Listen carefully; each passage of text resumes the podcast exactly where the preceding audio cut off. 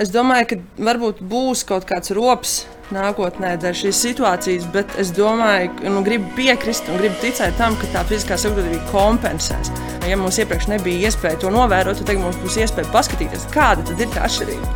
Kad bērni varbūt lielāko to periodu ir strādājuši fiziski, mazāk tehniski. Piemēram, Jānis Strelniekam, kad viņš bija CSK, tagad, kad bija pirmais Covid, kad viņam iedēva brīvu, Viņam neiedēva, uh, iedeva mājas darbu, viņam neiedēva basketbola elementu trenēt. Viņam iedeva fiziskās sagatavotības programmu. Ar tādu domu, ja tu būsi fiziskā sagatavotībā, tu pēc iespējas ātrāk atgūsi savus tos tehniskos elementus.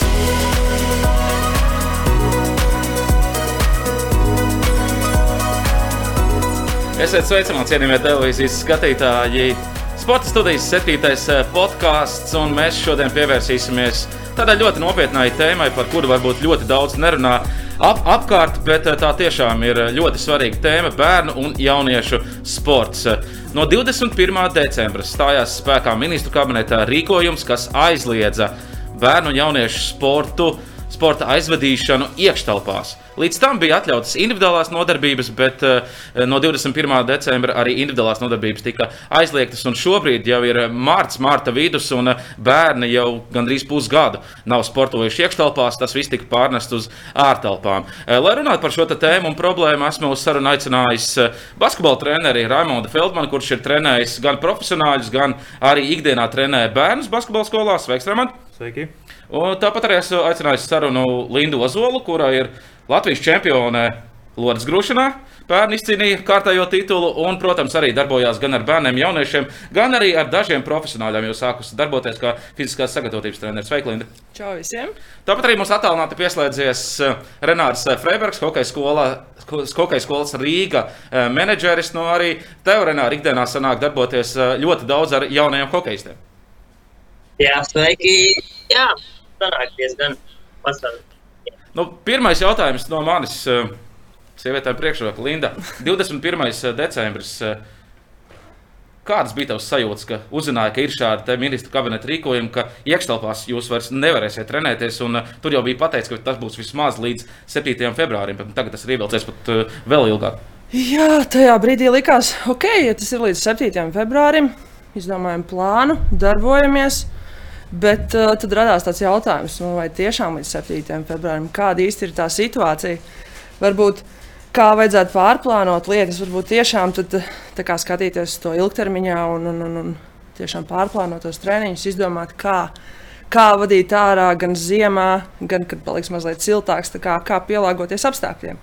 Un, un kā nodrošināt tos, uh, tos noteikumus, to noteikumu izpildi, ja, to distancēšanos, uh, starp bērniem, ja, kā, kā, kā izpildīt tās prasības. Jo pirmais tas bija tāds, nu, tāda noteikumu jūra, uz uh, kur bija jārēģē, un īsti nezināju, kā. Bija tāds neliels apjukums, bet uh, es lieku lietas uz papīra, domāju reāli, un, un, un, un sapratu, ka uh, tas viss ir iespējams, ja mēs to agrāk varējām. Ja?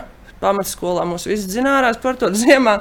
Tad, uh, Kāpēc lai ar mūsdienu jaunatni nerealizētu tieši to pašu? Ja? Tad varbūt es skatījos to vienkāršākā līmenī, ne augsto sasniegumu sportā, bet uh, es domāju, ka tajā brīdī sapratu, ka jā, ok, labi, paciešamies un strādājam. Ramond, kad tu uzzināji to, ka uh, iekštelpās jūs nedrīkstēsiet trenēties? Nu, pirmais, pirmais kā Linda teica, nu, mēs reiz uztaisījām brainstormingu kā, kā mēs varam turpmāk darīt un pielāgoties tai situācijai. Noteikti. Protams, biedēja tā zima, kā būs tagad. Jo, jo man audzēkņi bērni, treniņu process notiek Rīgā, centrā, bet ne visi dzīvo centrā. Tas man radīja bažas. Bet uh, sākumā bērni bija atsaucīgi. Var teikt, visi nu, apmeklēja treniņus. Nu, ne pilnīgi visi, protams, kaut kāds maziņš kritums bija, bet uh, apmeklētība bija diezgan laba. Nu, Un pārnesām tā kā, tā, tā, tā kā sā, sākumā mēs pārnesām uz pozitīvā gulsnē. Nu, Treniņu procesā ārā, fiziskā sagatavotība, speciāla fiziskā sagatavotība. Renāra, kā tev bija hokejs? Decembrī vēl nebija ledus ārā uzsalas. 21. Kā jūs uzņēmāt šo rīkojumu, ka nedrīkstēs iekštelpās? Tas nozīmē, ka principā hokeja halēs jūs nevarēsiet vispār darboties. Zin kā mums bija tā, ka mēs jau bijām, teiksim tā, vienu soli jau padomāt priekšu un skatu kas e, notika tajā brīdī, brīdī pasaulē, gan arī Latvijā mums plāns bija. Un e, mums tā kā palaimējās, ka e, ziema ir mūsu, e, kā, gada laiks. E, nu, mums nācās mazliet pagaidīt, ka tas uzsākās, un tad arī Un tad arī mēs kā, centāmies to, ko mēs varējām pārnest uz ārnu lauku. Pārējo mēģinājām kaut ko ārā un pārgājām uz to attālināto apmācību. Bet ja, būtu, bet, ja būtu Latvijā tā klasiskā zima, ka nav īstu mīnusu, ko tad jūs darītu? Bija rezerves plāns? Ziniet, kā šogad, šogad par laimi visai šai situācijai zima bija tāda, ka ne 5, 5, 5 gadus. Un, un, protams, jau vienmēr ir tas nu, tie apstākļi ir tā, tādi viņi ir. Nu, apmācība, ja nebūtu lielie mīnus, tad būtu arī vairāk tie fiziskie treniņi ārā stadiona. Linda, kas bija jāmaina? Jūs tomēr bijat pieraduši entos gadus, tomēr, kā uznāk augstums, bērnus sporta zālēs trenēt. Nu. Kas bija jāpārklāna, kas jāizmaina? Pirmais jau, pirmā lieta ir vecāku ziņas par ko vēl, ko vilkt, cik ilgi, ko vilkt, kā, kā, kā, kā, kā darboties tālāk, ko darām. Tā tās lietas pirms bija jāpārplāno, bija jāsaprot, ko atbildēt vecākiem, kā mēs darbojamies tālāk. Uh, pirmkārt, mums pašiem treneriem liekas, bija tā, ka nu, nevar saprast, jā, nav jau tikai viens treniņš ārā jānoved, kā, kā ģērbties, kā, kā vispār to dienu izturēt, kā to dienu saplānot, vai likt tās uh, treniņu grupas kopā. Uh, kā jau es teicu, jā, man ir mazākā grupiņa arī Salaspīlī. Uh, cik, vecs, liel... cik vecs bērni ir? Otrā klasīte, otrā, trešā klasīte. Un, Pirmais, ko viņi dara, viņi lecot no mašīnas ārā, viņi skrien un ķerās man riņķī. Es saprotu, ka man ir viņi kā mazliet jāatgrūž un, un, un vairāk jānodarbojas ar tādām teorētiskām apmācībām, tos pirmos treniņus, kā, lai nodrošinātu tos apstākļus, lai es neapdraudētu sevi, par cik man paralēli ir arī otrs darbs ar, ar izlases sportistiem. Un, un lai es varētu nodrošināt to drošību viņu starpā. Ja, kā es viņus tur distancēšu, liku starp konusiem, pārplānoju tās nodarbības vairāk. Nu, tā kā nu, viss, protams, pārvērtās vairāk uz fiziskās aktivitātes pusē ārā.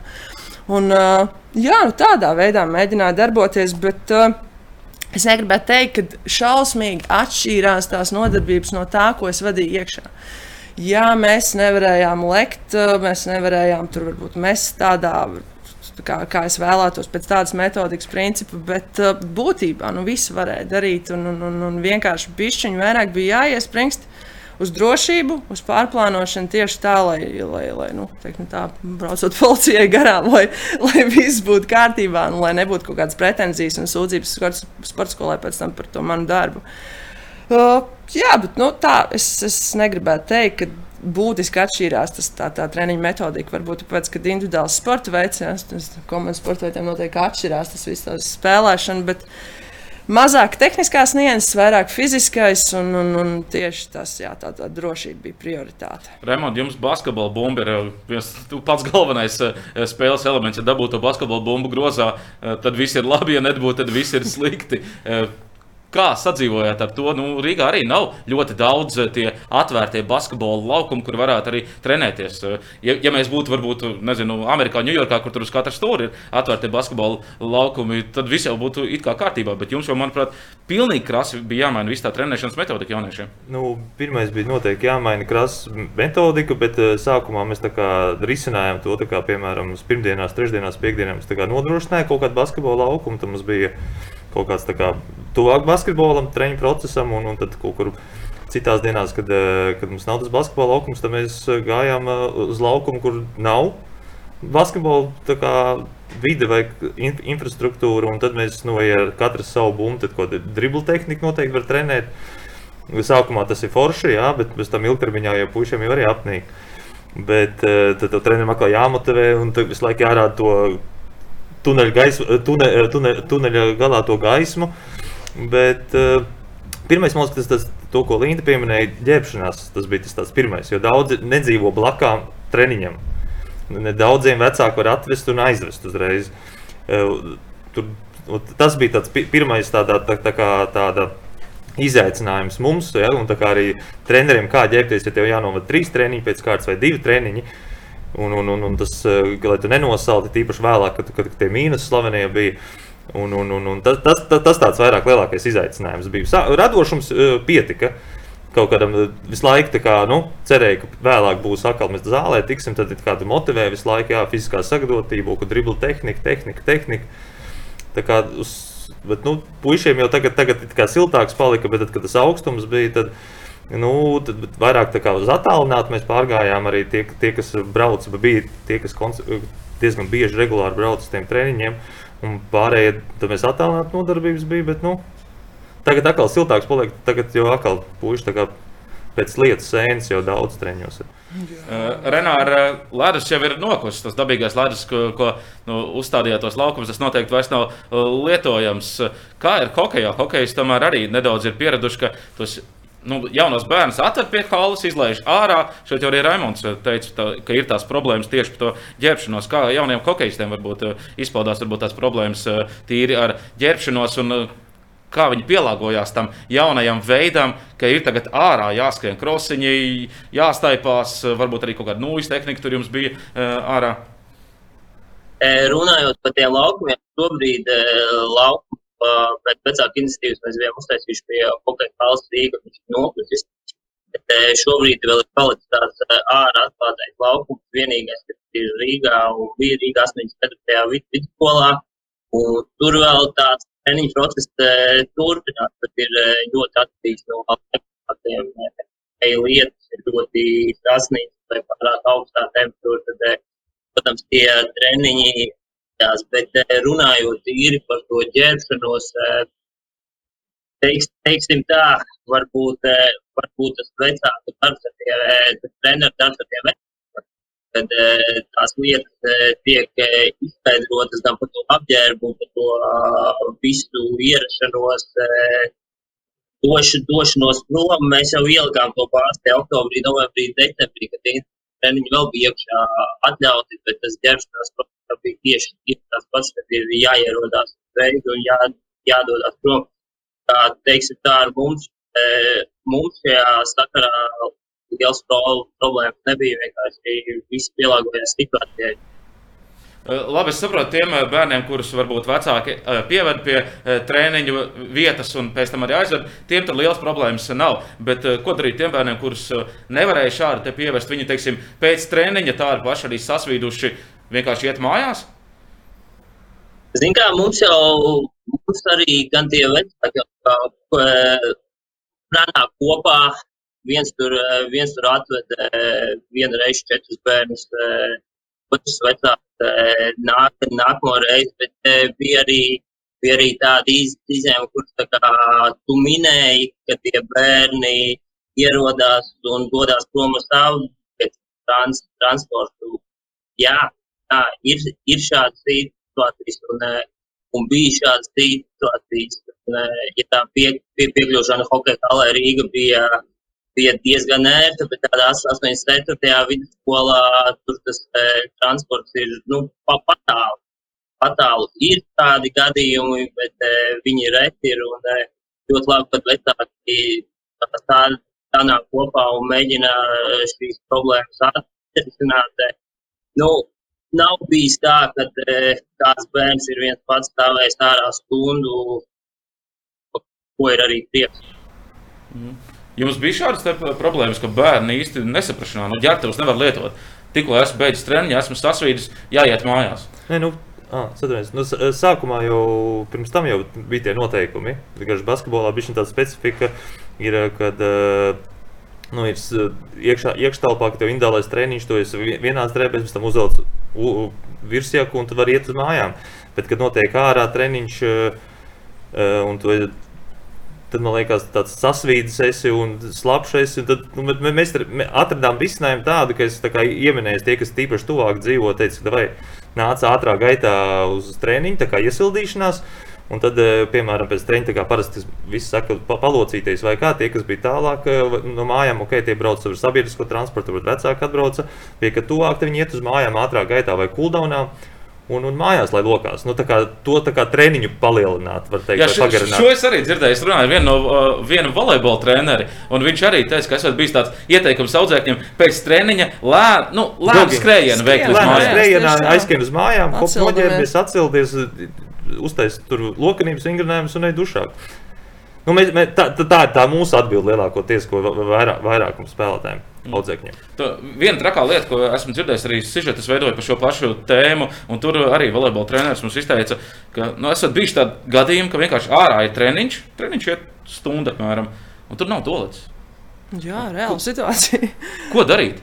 Reāla situācija. Par laimi, tur bija tāda situācija, ka treneris dzīvoja netālu, un tad viņš arī atzina, ka nu, viņš atļauj aiziet līdz, līdz dzīvoklim eh, šim audzēknim. Jums kaut kādas šādas problēmas bija bijušas? Ne, mums blakām kaut kāda infrastruktūra ir, kad uh, iespēja mums iziet arī. no situācijas. Mums arī bija, bija, bija iespēja aiziet, bet arī tas jautājums sākumā radās, kā, hei, kā, kā, kā toaletes, kā, kā, kā pārģērbšanās. Jā, bet tas viss tur tā ģērbšanās arī tika atrisināta uh, mazākiem bērniem. Viņi mašīnā pārģērbjās. Jā, viņi bija sākumā treniņi, kad viņi atbrauc džinsenēs, parastajās jagās, un, un kur var pārģērbties. Es saku, nu, kā iepriekš jau bija skaidrs, bet saku, nu, nu, tāda situācija, ka nevaram. Un, un, un tad, ne, ko, ne, vecāki bija saprotoši un pārģērbās mašīnā, tie mazākie lieliem tieši tā. Iesildīšanās, atsildīšanās uz treniņu un pēc treniņa. kā To, to, to atsildīšanās daļas kā uzticējos un arī mājās ļāvu stiepties. Un mazākiem varbūt jā, iztrūks tas, tas, tas posms arī, kad es uzreiz hops, hops teicu vecākiem, lai laicīgi ir pakaļ, lecam mašīnā, braucam mājās, kamēr nesaslimstam. Un, un, un jā, tā tolta laikam nebija tik, tik, tik. Jā, nu, ma mazākiem ir vairāk vecāku to rūpu paņemt. Piemēram, bet 16, 17 gadīgiem nu, audzēkņiem tur ir viņi paši par sevi paņem. Tad vairāk tas, tas, tas, tas iesildīšanās un tas cooldowns pēc treniņa, tas vairāk bija balstīts citur, 16, jā. 17 gadīgiem manā, manā, manā praksē. Un uh, mazajiem tur vienmēr vecāki atved aizved. Tas Jā, Protams, grūtām vecāki mācās. saprotoši, vai ne? Tad, man liekas, vecāki mazākiem gribēja tieši ļoti atbalstīt to, lai treniņu process noteikti. Jā, bija gatavi. Skaidrs ir tas, ka šajos apstākļos, kad mēs eh, ārā tagad ja jaunieši bērni vēl aizvien trenējās, ka lielākoties var likt uzsvaru uz eh, fizisko sagatavotību, uz vispārējo fizisko sagatavotību. Nevis varbūt tos eh, basketbola elementus, hokeja elementus trenēt vai eh, volejbola elementus un tā tālāk. Tā ir. Ja? Nē, nu, Noteikti. tas tad lielākoties tā sanāk vairāk, tāpēc dēļ tās infrastruktūras, kādā tu nodarbojies.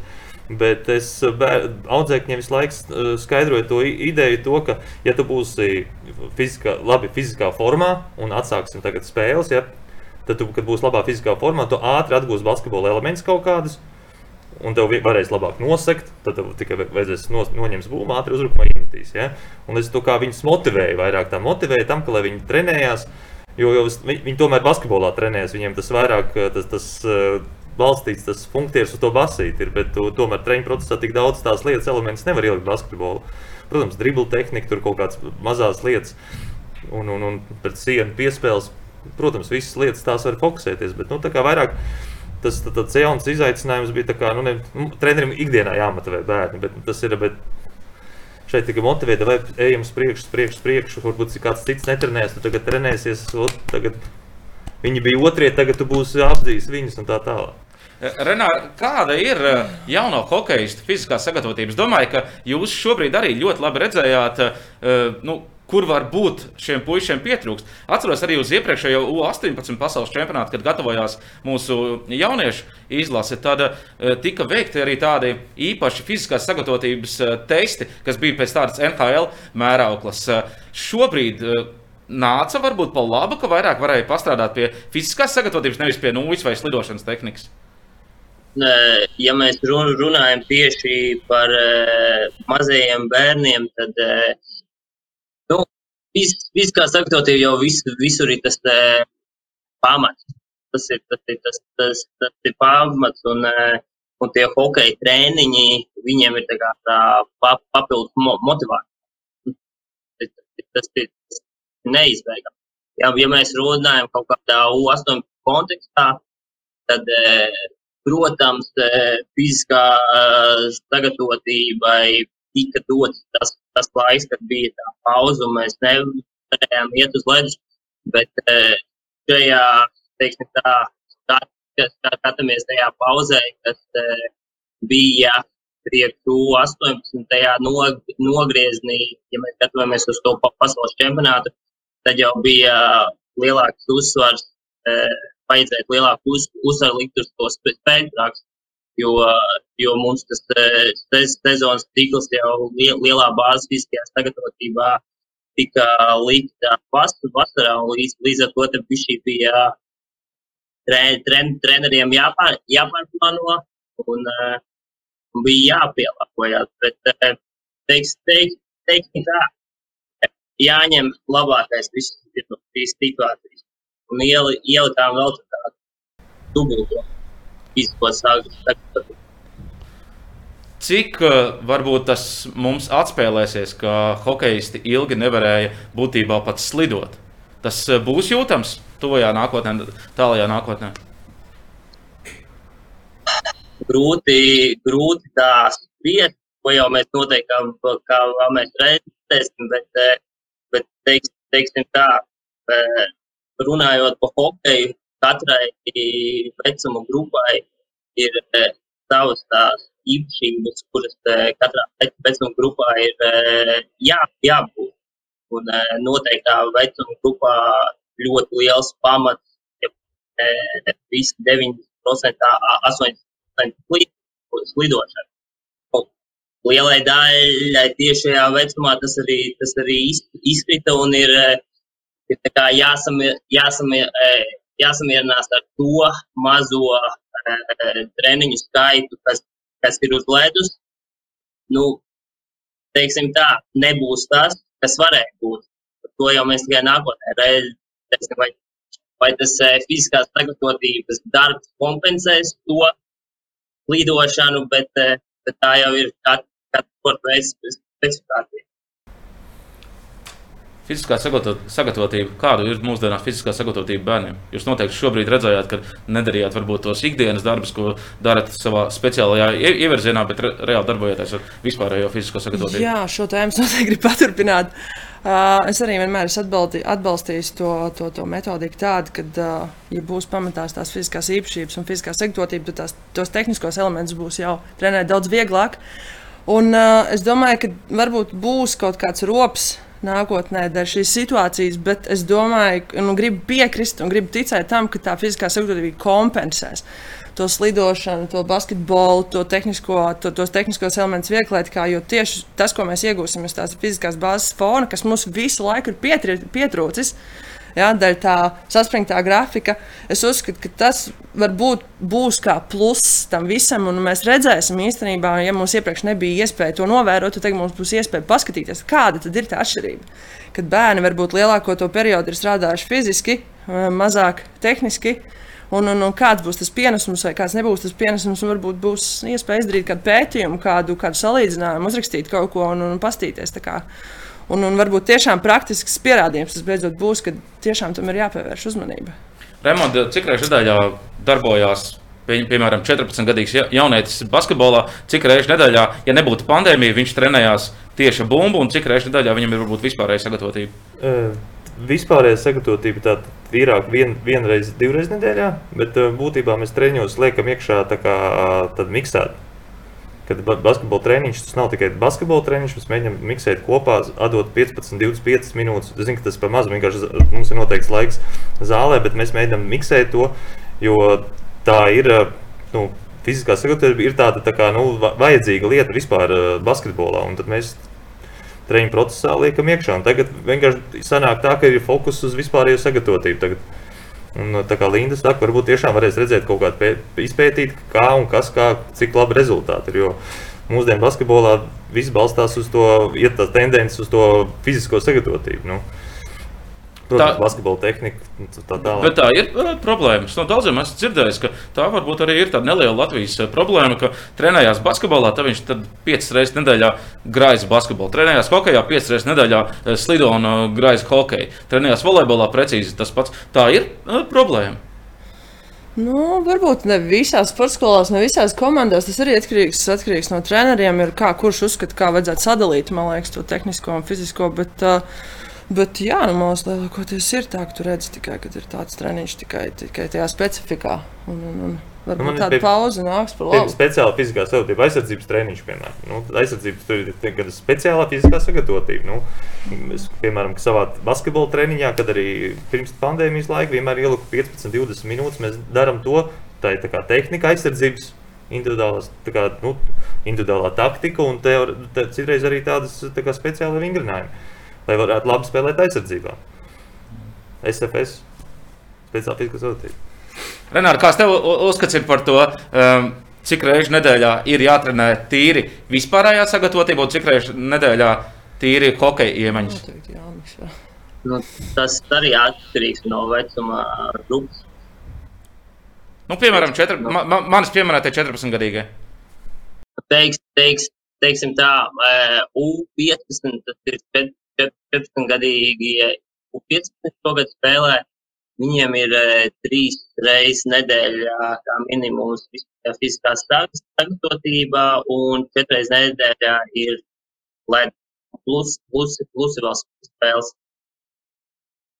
Eh, jā, tādi ir tāda ir iz, iz, izstrādāta tā programma, bet, eh, kā jau jums tur tik, tikko jūs tur runājāt, eh, vai trenējoties tikai hokeja, vai trenējoties tikai basketbolā, vai trenējoties tikai eh, futbolā, tas ir, tas ir labāk. Eh, Mans tāds subjektīvais viedoklis, skatoties, es to trēnēju bērnus, ka bērns atnāk eh, 12 gados, kurš ir, kurš ir uz ielas visu, visu laiku spēlējis futbolu, basketbolu, at- attīstīs tevi vi- vispārīgi gads, divi. Viņš jau ir apmēram vienā lī- līmenī, kurš ir, eh, kurš ir piemēram, teiks, teiksim tā, nodarbojies tikai ar to viens. Nu, Viņš ir vien- vienkārši vairāk, vairāk tās, lai es rokas kājas galvu kop- kopā. Jā, šoreiz gribēju pieminēt eh, jaunais Norvēģu brīnumvārds Dortmunds Borusija uzbrucējs Erlings Holands. Nu, viņš ir viens no labākajiem vispār jaunās paudzes futbolistiem. Un par viņu arī, cik es lasīju, tad uh, viņš esot tik labs tikai tāpēc, ka viņš līdz tur 17 gadiem ir trenējies gan vieglatlētikā, gan futbolā, gan uh, handbolā, un vēl tur pāris sporta veidos, ka viņš ir reāli li- līdz uh, gandrīz pieaugušu vīriešu vecumam nodarbojies ar dažādiem sporta veidiem. Un pēc tam izvēlējies reāli nu, 17, 16 gados, ka jā, es būšu futbolists. Nu, basketbolā ir Alans Iversons, ja, kas amerikāņu futbolu ļoti labi spēlēja un, un, un basketbolu. Ir daudz, ļoti daudz piemēru. Jā, tāda man liekas, pasaulē netrūks. un Tas ir tāds pierādījums, ka bišķiņu vajadzētu beigt forsēt ar to, to agrīno specializāciju un, un, un to bērnu pārtrenēšanu tieši, tieši konkrētajā sporta veidā, līdz tam jauniešu vecumam. Jo, jo visur ir tādi piemēri, es domāju, ka tur uz rokas atprūstās pirksti, lai, lai, lai pieminētu. Un, un, un tā noteikti ir. Es, uzskatu, ka, es tikai atbalstu tādu variantu, ka tā specializācija sāksies mazliet vēlāk un ka tomēr ir jābūt. Nu, ap cik gadiem? Uh, vajadzētu sākt? Gribētu parunāt par to pašu Mūrjāņu sporta gimnāziju. Es uzskatu, tas ir ļoti labs variants. Gada 15. Kad mēs jau pievēršamies konkrēti kaut kādai vai vienai disciplīnai vai vienam sporta veidam, un līdz tam mēs darām visu. Ja? Es personīgi varu izstāstīt par sevi. Augusi dzimusi Rūjienā, trenējusies vieglietikā, pārsvarā arī uz fiziskās sagatavotības bāzes. Ja? Mums, mēs trenējāmies Rūjienas basketbola zālē, kāds lodziņš sektors atvainojos, ja? dēļ grīda. Bet, uh, specializēties uz šo sportu. Protams, pamati kaut kāda bija vasarā, ja, bet uh, uz šo sporta veidu sāk specializēties tikai Mūrjāņos. Un vai es kaut ko nokavēju, vai es tā kaut, ne, kaut ko neiegūstu? Noteikti nē. Noteikti nē. Es domāju, ka tikai paildzināju savu sportisko karjeru. Ja, un, manuprāt, tā kā agrāk sākot specializēt uh, tieši konkrētu sporta veidu, mēs tikai norokam to bērnu nākotni. Un, un, Samazinām to sportisko karjeru viņiem. Protams, ne visiem ir izņēmumi, bet, bet, bet nu, tā kopumā skatoties to situāciju, kaut vai ja es aizbraucu 16 gados uz pasaules čempionātu un konkrētajā trīnēkā bija konkrētie sportisti, tad šobrīd viņi vairs nesporto.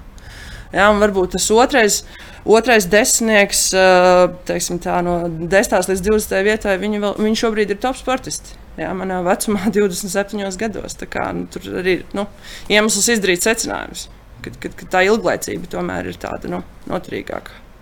Ramonda, es jau Renāram arī jautāju šo pašu par hokeju. Kā mums atspēlēsies tas, ka šobrīd uh, nav bērni reāls basketbola elements uh, pielietojuši vairākus mēnešus? teiksim tā? Eh, Nu, es attiešu atpakaļ to, kad paskatīsimies, kāda būs tā fiziskā sektotība. Jo da, daudz lietas kompensēs. Arī pateikt, piemēram, ka Jānis Strelniekam, viņš bija CSK, tagad, kad bija pirmais Covid, ka viņam iedēva brīvu. Viņam neiedēva, uh, iedeva mājas darbu, viņam neiedēva basketbola elementus trenēt. Viņam iedeva fiziskās sagatavotības programmu. Ar tādu domu, ja tu būsi fiziskā sagatavotībā, tu pēc iespējas ātrāk atgūsi savus tos tehniskos elementus. Ja tu esi tikai trenējis piemēram, tehniku, un tad, kad sāks varēs, piemēram, spēlēt, bet tev fiziskā savienība nekāda nav, tad tas spēlētājs, piemēram, kas ir labāk fiziski, viņš tev noēdīs un noseks, atvainojos par terminu. Un, un, un, un, un, un tā, šajā brīdī es, protams, es gribu kā treneris, lai būtu trūks man tie basketbola treniņi, kā viņi sauc, bet es gribu to pagriezt tā kā, nu, to no, no, no citas skatu punkta, no citas prizmas skatīties. Bet es ļoti, ļoti gaidu, kad sāksies tie basketbola treniņi. Tad es varēšu to pārbaudīt un pateikt Lindai, kā ir. Tagad mēs esam fiziski spēcīgāki un, un kā mums iet. Mm. Un, un, un tā, nu. Kāda bija situācija, piemēram, ar bērnu vecākiem? Nebija situācija tāda, ka nu, atnāk bērnu vecāks un saka, Klau, Raimond, es taču savu bērnu vedu uz basketbola treniņiem. Ko jūs tur lokaties, lecat kaut kādas barjeras? Nu, tas ir komunikācija. komunikācija.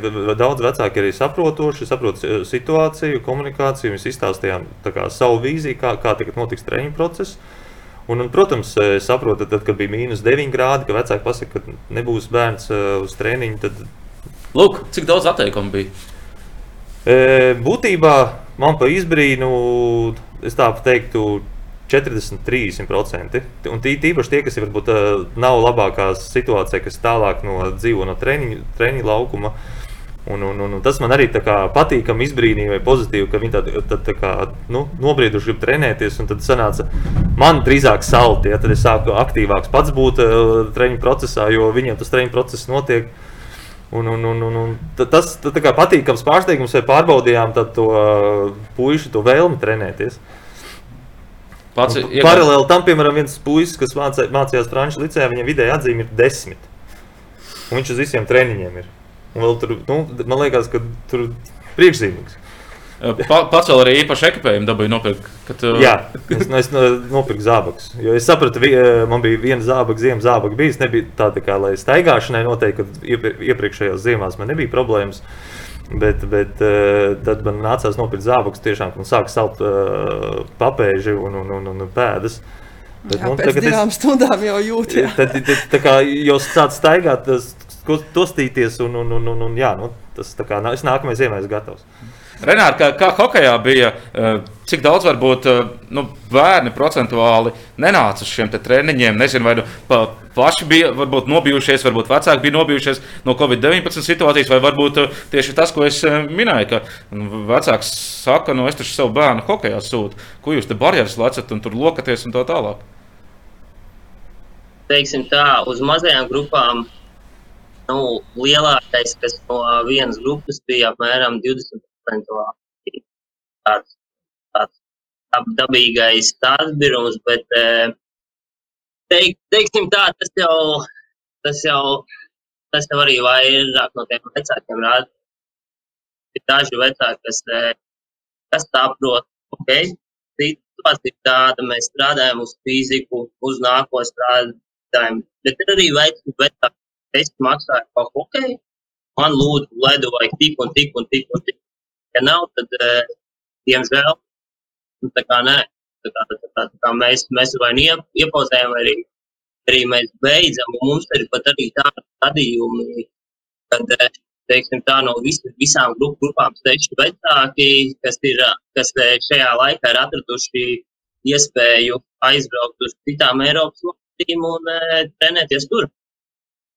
Jo tur, Jā, jo tur ir, tur ir, tur ir viss ir atļauts, Vācija, Šveice, ir pat viens Kanāda. Nu, jā, un, un, un, un ir jautājums, vai viņi atbrauks atpakaļ. Tas ir, tas ir, tas, tas, tas ir viens, bet šajā situācijā tas ir, tas ir mazsvarīgi, un ja, un ja iespēja bērnam trenēties, un tas ir tikai, tikai labi. Tikai labi jā, bet, kā, mēs, mēs, mēs kā tevi kā valsts, valsts nostādām šādā situācijā, kad tur ir labāk. Kā ir ar bērnu motivācijas noturēšanu? Bērns jau arī pats saprot, viņš hokeja sāk trenēties, tāpēc, ka viņam patīk tas hokejs. Un tagad uh, nav tā hokeja īsti.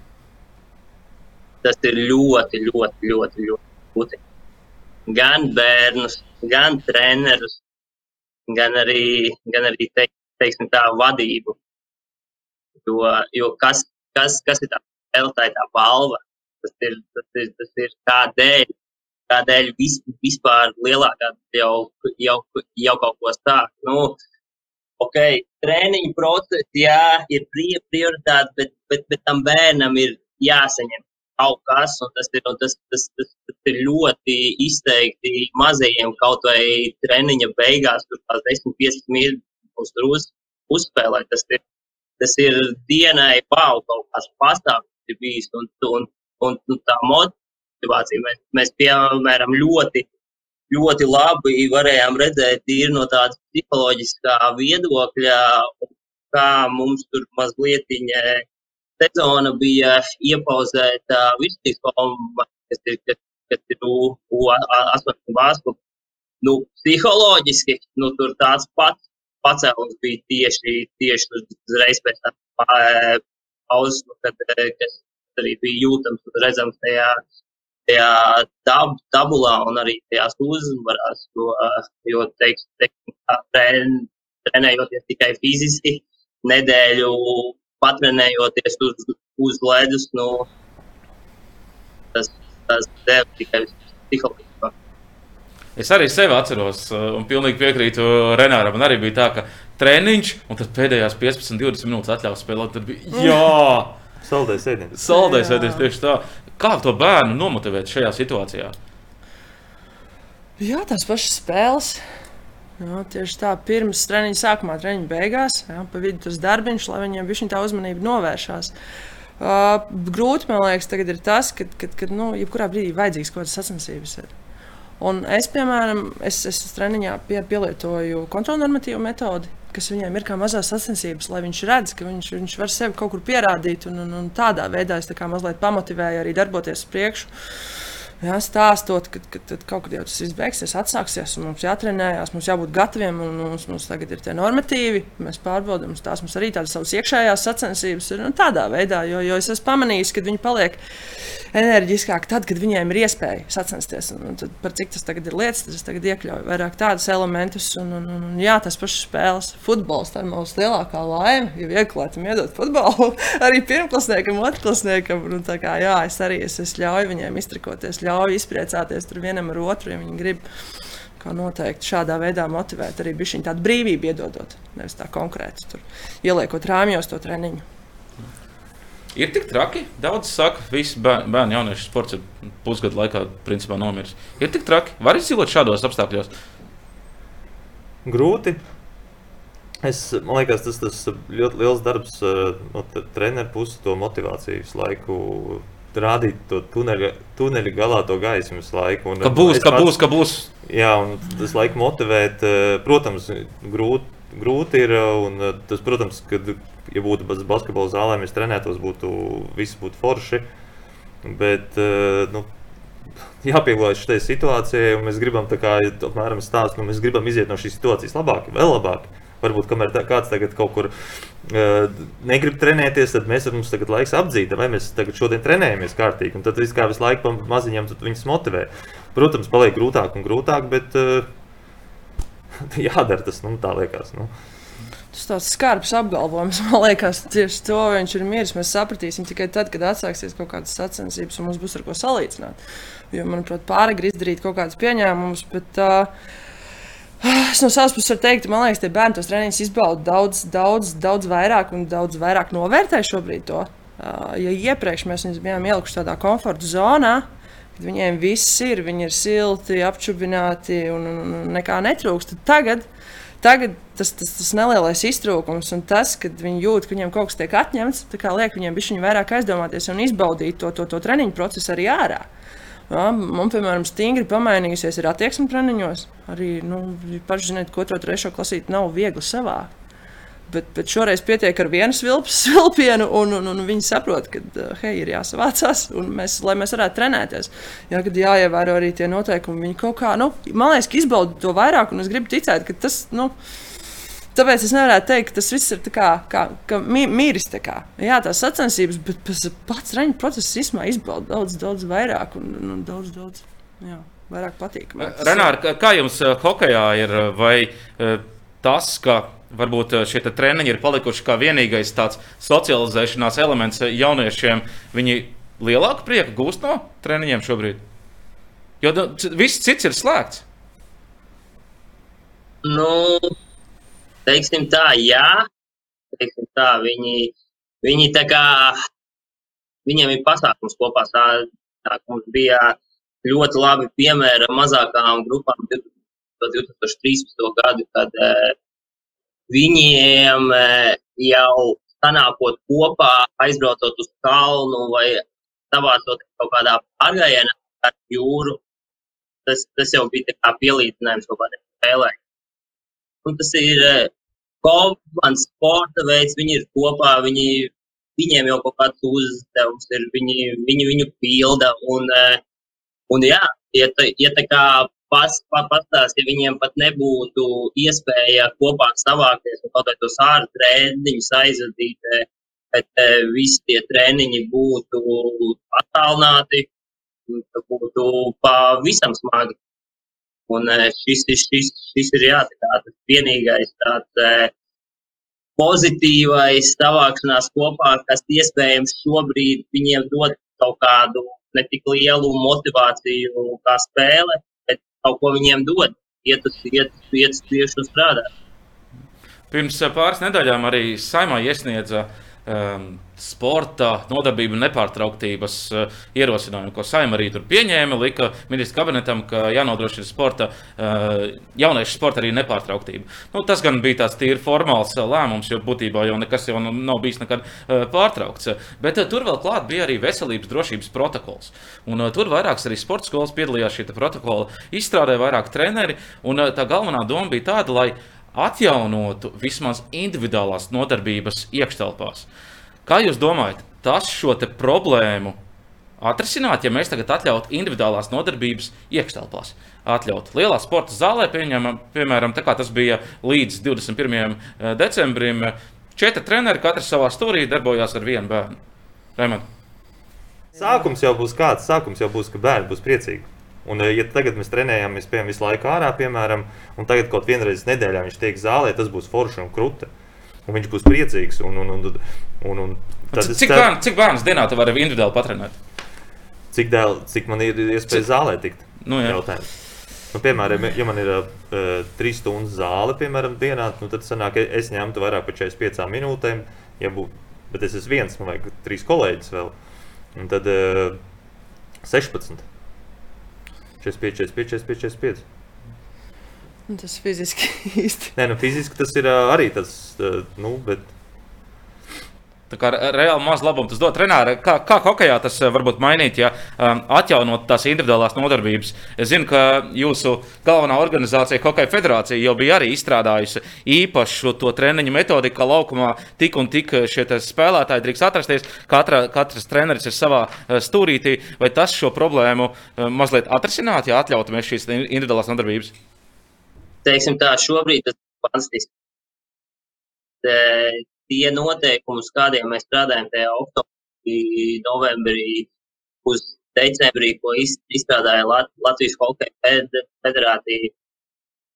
Ja man prasa, e, tie valstī izstrādātie noteikumi ir mazliet, nu, bišķi ne tādi, bet, e, bet kaut vai tas, kaut vai tas process e, uz tiem kvadrātmetriem, darbs individuāli viens pret vienu, tur viņš šobrīd būtu reāli fantastisks. Jo, jo mēs, mēs strādājām, mēs reāli būtībā halē ledus bija tukšs kā 5 stundas. Treneri pat strādāja, bija tādi treneri, kas nostrādāja pat 55 stundas nedēļā. Kontaktstundas, kontaktstundas, Jo, lai tas process būtu, piemēram, vienai komandai, tad tev ir jābūt sešiem treneriem, lai būtu viens, viens, viens, viens un tad, tad var arī izpildīt tos visus noteikumus. Mēs redzējām pēc mēneša, ka tieši specifiskā individuālā sagatavotība, specifiskie individuālie elementi bija kļuvuši labāki. Un, un bija tas progress. Un vēl plus tā, pamiksējot kopā ar fizisko sagatavotību ārā, tas būtu tā labi, ja mēs šajā brīdī skatāmies. Linda, es skatījos, tu tā nedaudz sāki žmiegt acis, ka īsti varbūt šī situācija, tā individuālā nu, klātienes trenēšana iekštelpās, nu, neatrisināt šo situāciju. Kāpēc? Uh, es skatos vairāk uz vecuma posmiem. Es domāju, nu, tāda otrā, trešā klase, nu, 15 līdz 20 audzēkļi. Nu, tas varbūt būtu tā nereāli. Nē, protams, viss ir izdarāms, un, un tās stundas tur sakrājās ne, nedēļas grie, griezumā skatoties. Bet, manuprāt, tas ir ļoti noderīgs variants tieši tādiem pusaudžiem. Pilnībā, pilnībā piekrītu, jo pusaudžiem šajā brīdī būtu super. Tā kā jā, jā. Es tā kā odziņu, odziņu kūks virsmā. Mm. Jo tāpēc, man liekas, ka nu, tas ir kā individuālā tehnika, tev būtu, tev ir fiziskā sagatavotība, un tad jau nākamais solis tad atļaut mums jau komandu kopā trenēties kaut kur drīzumā. Ja? Tad man liekas, tas tā, kā, tā, tā evolūcija treniņu procesam būtu ļoti labi. Tīpaši tagad bērni būtu, es nezinu, tur viss priecīgi. Jā, tur tas audzēkņu skaits ir mazāks, un tas ir tā, kā, nu, tā, tā realizējums vairāk. Un, un īpaši, ja ir tādi, kuri ir tādā vecuma posmā, ka varbūt viņiem nu, tieši, tieši, tieši vajadzētu tās individuālās nodarbības, lai sagatavotos tam turpmākajām izlasēm, lai, lai mēģinātu tikt un, un, un sev pierādīt. Tas, tas tādā ziņā, jā, tas būtu ļoti liels atvieglojums un, un aizpildīt to robu, kas varbūt tieši, tieši tam vecuma posmam ir radies, bet tādiem galīgi maziem. Nu, tas īstenībā, manuprāt, neatrisināt problēmu. Tas, tas, tas ir grūti realizējams dēļ tā lielā audzēkņa skaita, kas ir mazajās treniņu grupās. Tas fiziski nav iespējams. Mani baida vēl viena lieta. Tas veselības drošības protokols izlases tiešām viss ir skaisti uz papīra. Bet reāli dzīvē. Esmu pats bijis dažādos burbuļos, dažādās vietās, kur jāievēro noteikumi. Nu, atvainojiet, jau gads ir apmēram šajā Covid-19 pandēmijā cilvēki noguruši. Un es pats redzu, Cilvēks nelieto to masku. Cilvēks uzvelk tikai viņu tad, kad atnāk apmēram pārbaude. Reāli dzīvē tas nenotiek. Un, manuprāt, arī nu, gan sporta skolas, gan visi treneri, viņi arī visi ir noguruši un nav gatavi ievērot pilnībā šos noteikumus. Vārdos, jā, bet darbībās, manuprāt, nē. Kā tas skatās, man liekas, arī kā kuram cilvēkam, cilvēkam tā personiskā atbildība pret lietām ir. Nu, es personīgi es negribu, lai apstājas tas sports, tāpēc labprāt uzvilkšu divas maskas, ja vajadzēs. Nu, un, un, protams, tu paliec tā kā tu sāc jau pierast pie tiem apstākļiem. Tev jau tā liekas, jau, tā kā, jau normāli, jau, jau, jau tāda ikdienišķa lieta. Tu pat vairs neatceries, kā bija. Un, un, un tu paliec tāds, protams, ir neuzmanīgāks. Tas jau tīri cilvēcīgi. Bet, bet, uh, Nu, es nezinu, man, manā, manā organizācijā, un vismaz tur, kur es esmu sastapusies ar šīm lietām, man pagaidām viss ir bijis tie, nu, tā pozitīvi. Un, un, un, uh, nav bijis tāds tā, tā, tā riskanti. Varbūt gadījumi, protams, tur tā maskas reiz paslīd zem tā deguna, jā, man arī bijuši aizrādījumi. Bet nu, tas varbūt nu, tieši tāds - ne, neuzmanīgi. Bet, nu, būtībā, nu, manuprāt, cilvēki ir diezgan tieši tādā profesionālā sportā, ir diezgan piesardzīgi Nu, tikai lai ne, neapstādinātu mūs, tikai lai viss notiek, neatņemiet mums pēdējo. Nu, ar bērniem ir savādāk. Jā, ar bērniem ir. Nu, Nu, tu arī viņam, piemēram, mums tāds noteikums, ka, ja tiekš telpā salaspēlīt, un tur ir to tolot aizējot, ka nu, tev ir tā maska jāuzvelk. Nu, tas, protams, ka tas bērns viņš aizskries, viņš neuzvilks, un būs aizrādījums man kā trenerim, un būs sūdzības sporta skolai, un būs vēl kā domīt redzējis, un, un, un tā kā aizrādījis. Bet, uh, Nu, jā, jā, jā, jā, jo ilgāk šis iet, jo, jo paliek tā apnicīgāk. Bet, bet, bet nu, es uzskatu, ka vēl var. Vēl var. Nē, nu, man, apkārtējā, man apkārtējā vidē visi tādi diezgan disciplinēti ir. Un man drīzāk eh, radās iespējas, ka mums jau veidojās ieradums. Daudziem jau masku vilkt, eh, eh, būtu ievērot tos divus metrus. Ja? Es pats reiz basketbolā saku, mēs treneri vienmēr eh, cīnās, lai spēlē uzbrukumā plaši, ja, lai ir spacings. Ja, un, un tad es bērniem saku, pagaidiet, viņš tagad divu metru ja, distanci ievērot okur. Ja, Tā kā nu, kaut kādas, eh, bet man personīgi pašam liekas, ka man jau ieradums ir eh, to masku vilkt. Es jau viņu kaut kur kāpju no mašīnas, jau meklēju. Ja. Mājās jau kaut kur jau visu laiku paliek. Es iesēdos dīvainā to masku. Jo ieraduma liels spēks ir. Nu, es domāju tieši otrādi, ka tas arī. Nu, Ieradums pareizi, vai pēc, jau, jau pēc protokola, no, no, lai notiek treniņu process, jau lēnāk, garāk. Mēram.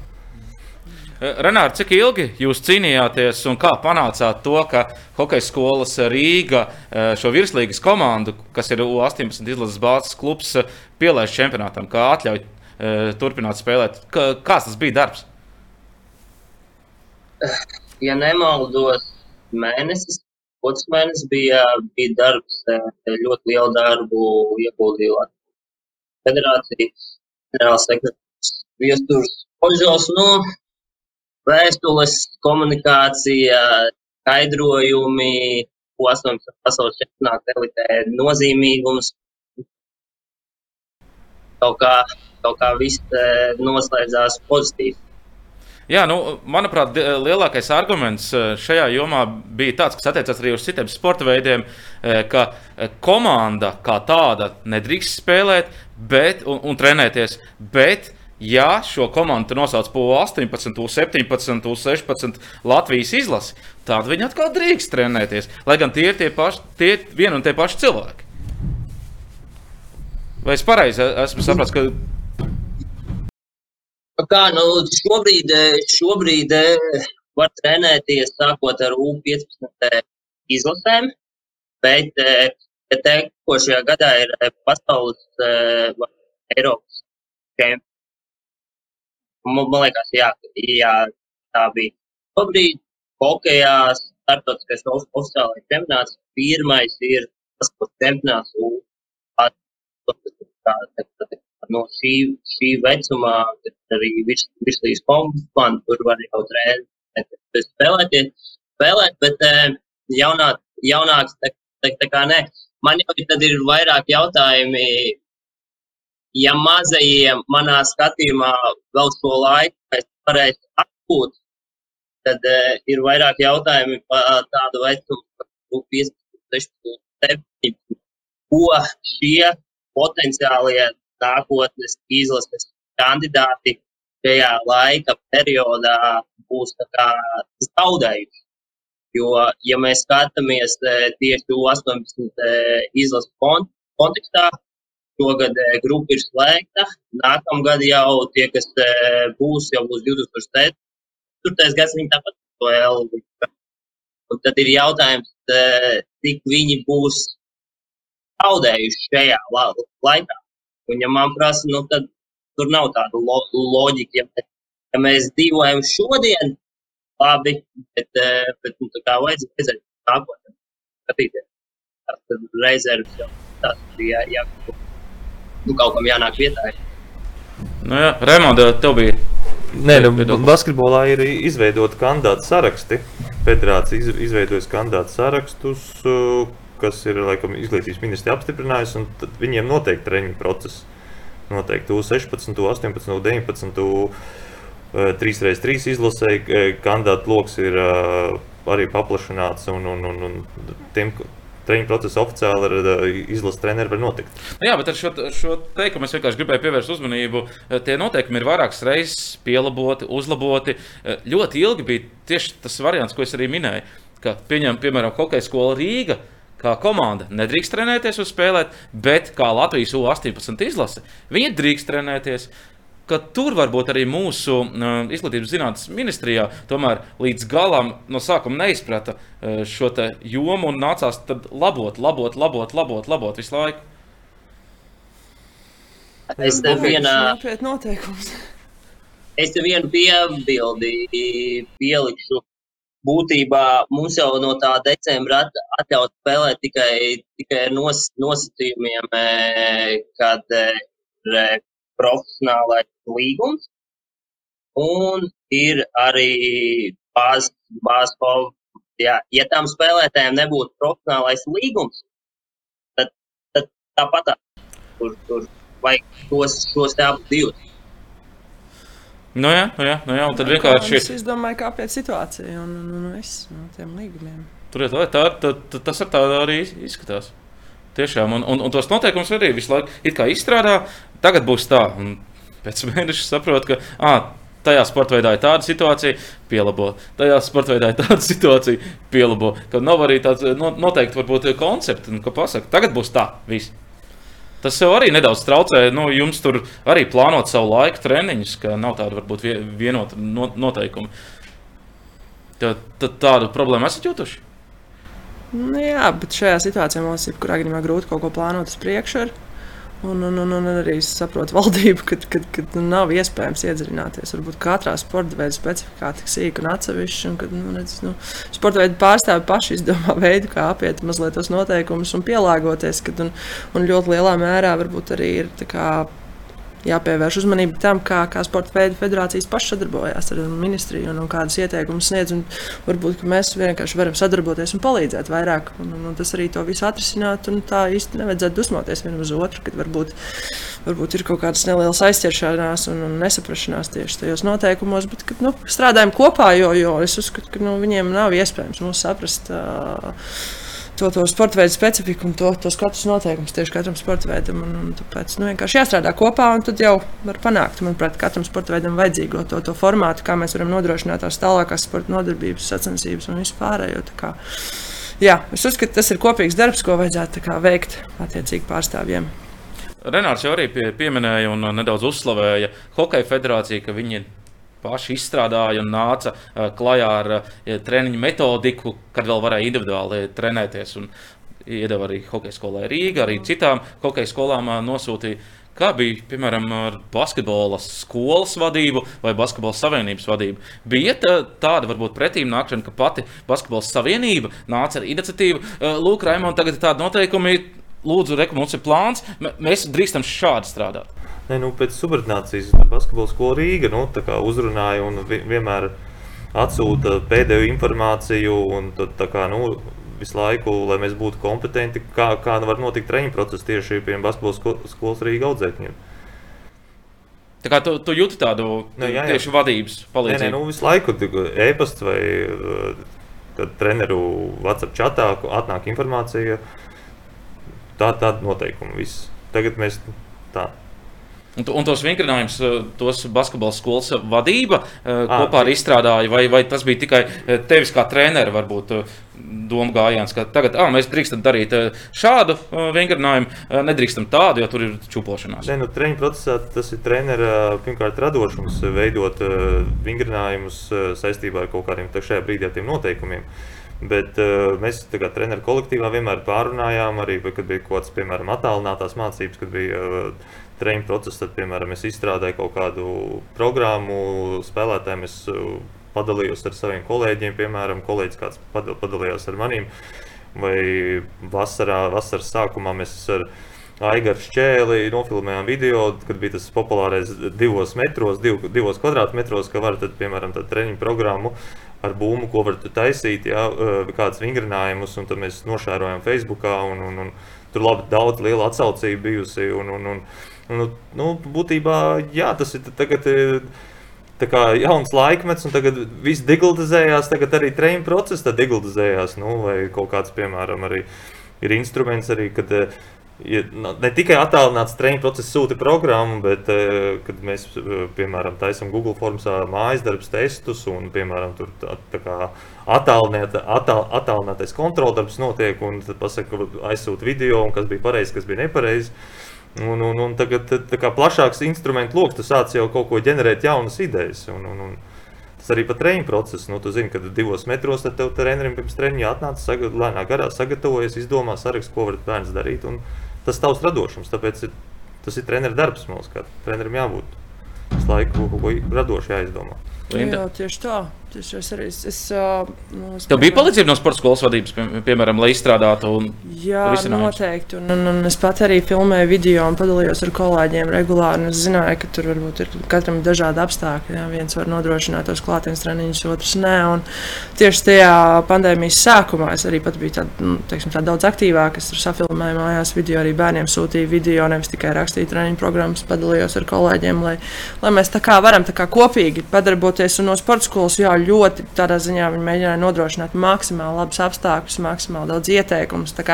Arī visus tos mūsu izveidotos metodiskos materiālus apvienoja un, un, un, padalījās savā starpā. Tādā ziņā, nu, manuprāt, tāda vieta radošumam, vieta, vieta, vieta izaugsmai noteikti šajā periodā. Mums ir dezinfekcijas līdzekļi uzreiz nodrošināja visiem, lai, lai tikai lai būtu Jā, labāk, maskas, vairāk. Visu, un, un, un, visu, visu, visu, visu. Teorētiski, uh, praktiski visu to informāciju atsūtīja. Visu, nu, kā, nu, sagatavoja tam, pa, tam darbam mūsu, un tad pārējais ir atlieks mums strādāt to. Jā, jo no sākuma bija tā, kā nu, tu redzi to pliko teoriju, tu domā, kā, kā, kā praktiski. Un arī tur baigi, baigi. Nu, es personīgi runāju ar sporta skolu un ar kolēģiem, kā, kā, kā jūs, kā labāk. Un, un tādiem ieteikumiem vairāk apspriedāmies, jā, par tām maskām, visām. Viss, viss bija nodrošināts līdz pēdējiem.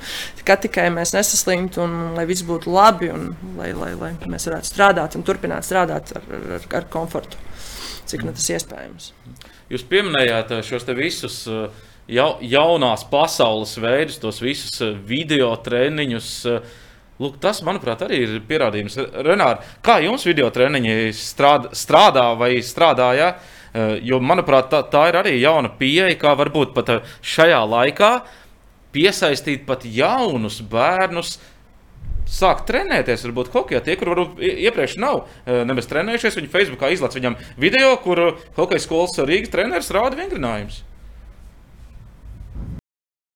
Zini, kā video treniņi, kā manā skat, skatījumā, tā ir situācija, nu, viņi situācija tāda, nu, ok, mēs nevaram satikties kopā tur, bet mēs varam aizvadīt tā treniņus attālināt, bet, nu, būsim, būsim reāli, tā komunikācija un tā realitāte audzēkni reālajā pasaulē un virtuālā pa, pa, pa, pasaulē. Viņi ir nu, visam kaut kas cits. Gan, e, gan psiholoģiskais faktors, gan arī, gan arī piemēram, to kļūdu labojumu, jo tu, tu video, aiz, video treniņā aizved tikai vienā rak rakursā, kā tev kāja darbības, vai kā tev ir mugura, bet tu varbūt iespējams te nestatīt plaukt no vietas. Tā, vai šādi varētu piesaistīt jaunus, jaunus audzēkļus? Nu, man liekas, ka nē.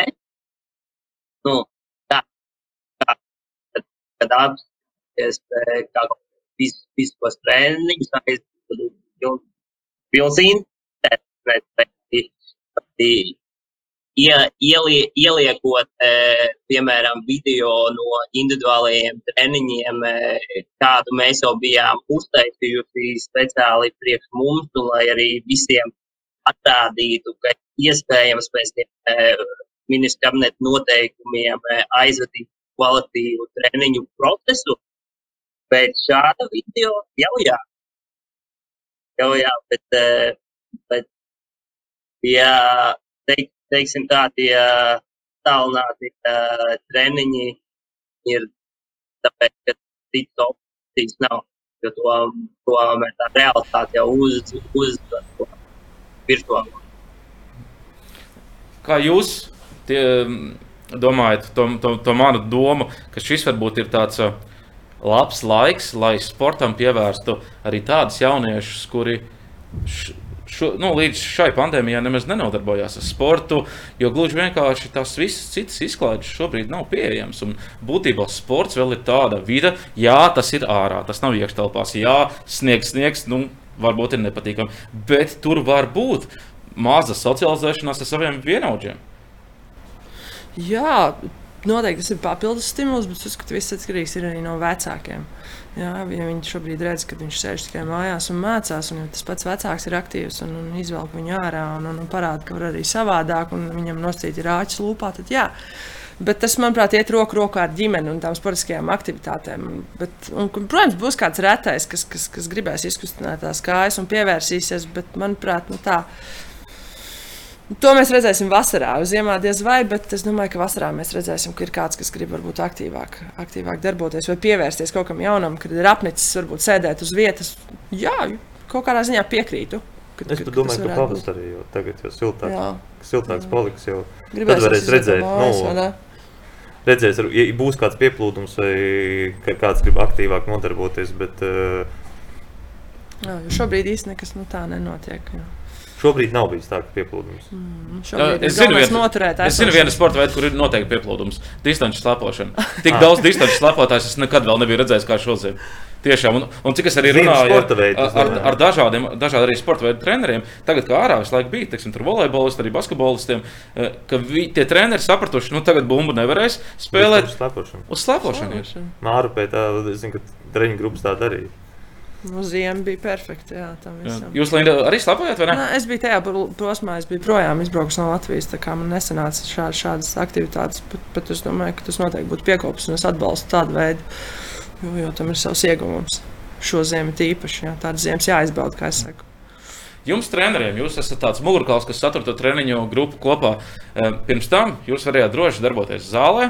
Tas varbūt, eh, nu, varbūt uz tevi, Linda, tik ļoti neatieksies, jo tu, tu, tu tomēr esi eh, fiziskās sagatavotības treneris, nevis atsevišķs sporta veidu treneris. Bet, Raimond, piemēram, piemēram, tu eh, visu laiku trenēji basketbolu. Basketbols, basketbols, basketbols. Tagad tev tomēr bija jāpieiet tai lietai arī no vispusējas fiziskās sagatavotības eh, puses, kura, kas varbūt tev bija aizmirsusies jau varbūt, nu, eh, kopš mācījies. Nu, pirmā lieta, ka Varbūt pats kļuva labāks kā treneris. radošāk. E, pirmā lieta, es pirms tam teicu, ka visu laiku tika tāds. Uh, Mano treniņu procesā pirms tam tika miksēts. Ja, un man ir paveicies, ka man ir ļoti daudz eh, kolēģi. Ja, eh, Oskars Einsteins, Dārzs Veikners, eh, daudz studenti, kas, nu, ar kuriem es komunicēju. Un, un, un mēs arī vi- vienreiz nedēļā aktīvi piesaistījām fiziskās sadarbības treneri. Tad arī, piemēram, eh, kad bija kaut kāds treniņš, kaut kāds, eh, kad nevarēja ārā trenēties vai iedot uzdevumu, piemēram, sestdienā, tad, piemēram, man kolēģis atkal nofilmēja, piemēram, fizi, nu, mājas apstākļos izdarīt fiziskās sadarbības treniņus. Un, un, un tad, tā, ko- konsultējoties kaut kur, atsvaidzināja kaut kādas lietas. Tas, tas, tas tieši nu, jā, man tā kā pat pap, nu, nepapildināja, bet lika man viņa atkal paplašināt to redzesloku. Tas, Es gribētu pakomentēt, uh, es esmu ne tikai fiziskās jūtības treneris, bet sporta skolā kā vieglātīgs treneris. Tad, uh, liecīgi, šajos laikapstākļos uh, man arī nācās domāt, kā, kā, kā lai tajos fiziskās jūtības treniņos iekļautu kaut nelielu tehnikas daļu. Ja? Kaut arī to pašu pēdas darbību. Piemēram, šonadēļ treniņos uh, elementāri mēs skrējām, driblējām. Caur konusiem bumbu un ar uh, šķērmešanas kustību mēs mēģinājām trāpīt par to pašu basketbola grozu. un tā es tādā veidā miksēju, mēģinu padarīt to treniņu interesantāku, mēģinu iekraut arī kaut kādas tehnikas elementus, saglabājot kā, to vispārējo fizisko sagatavotību un, un mēģinot tā pārnest tās kaut kādas elementārās lietas, jā, kas vieglē kā vajadzības pēdas darbība, jā, barjeras, viss pārējais. Tā kā, nu, mešanas kā iekļaut tajā fiziskajā sagatavotībā, kad, kad, kad varbūt, varbūt, varbūt bišķiņi pat neitrālāk, bet iemācīt to pašu.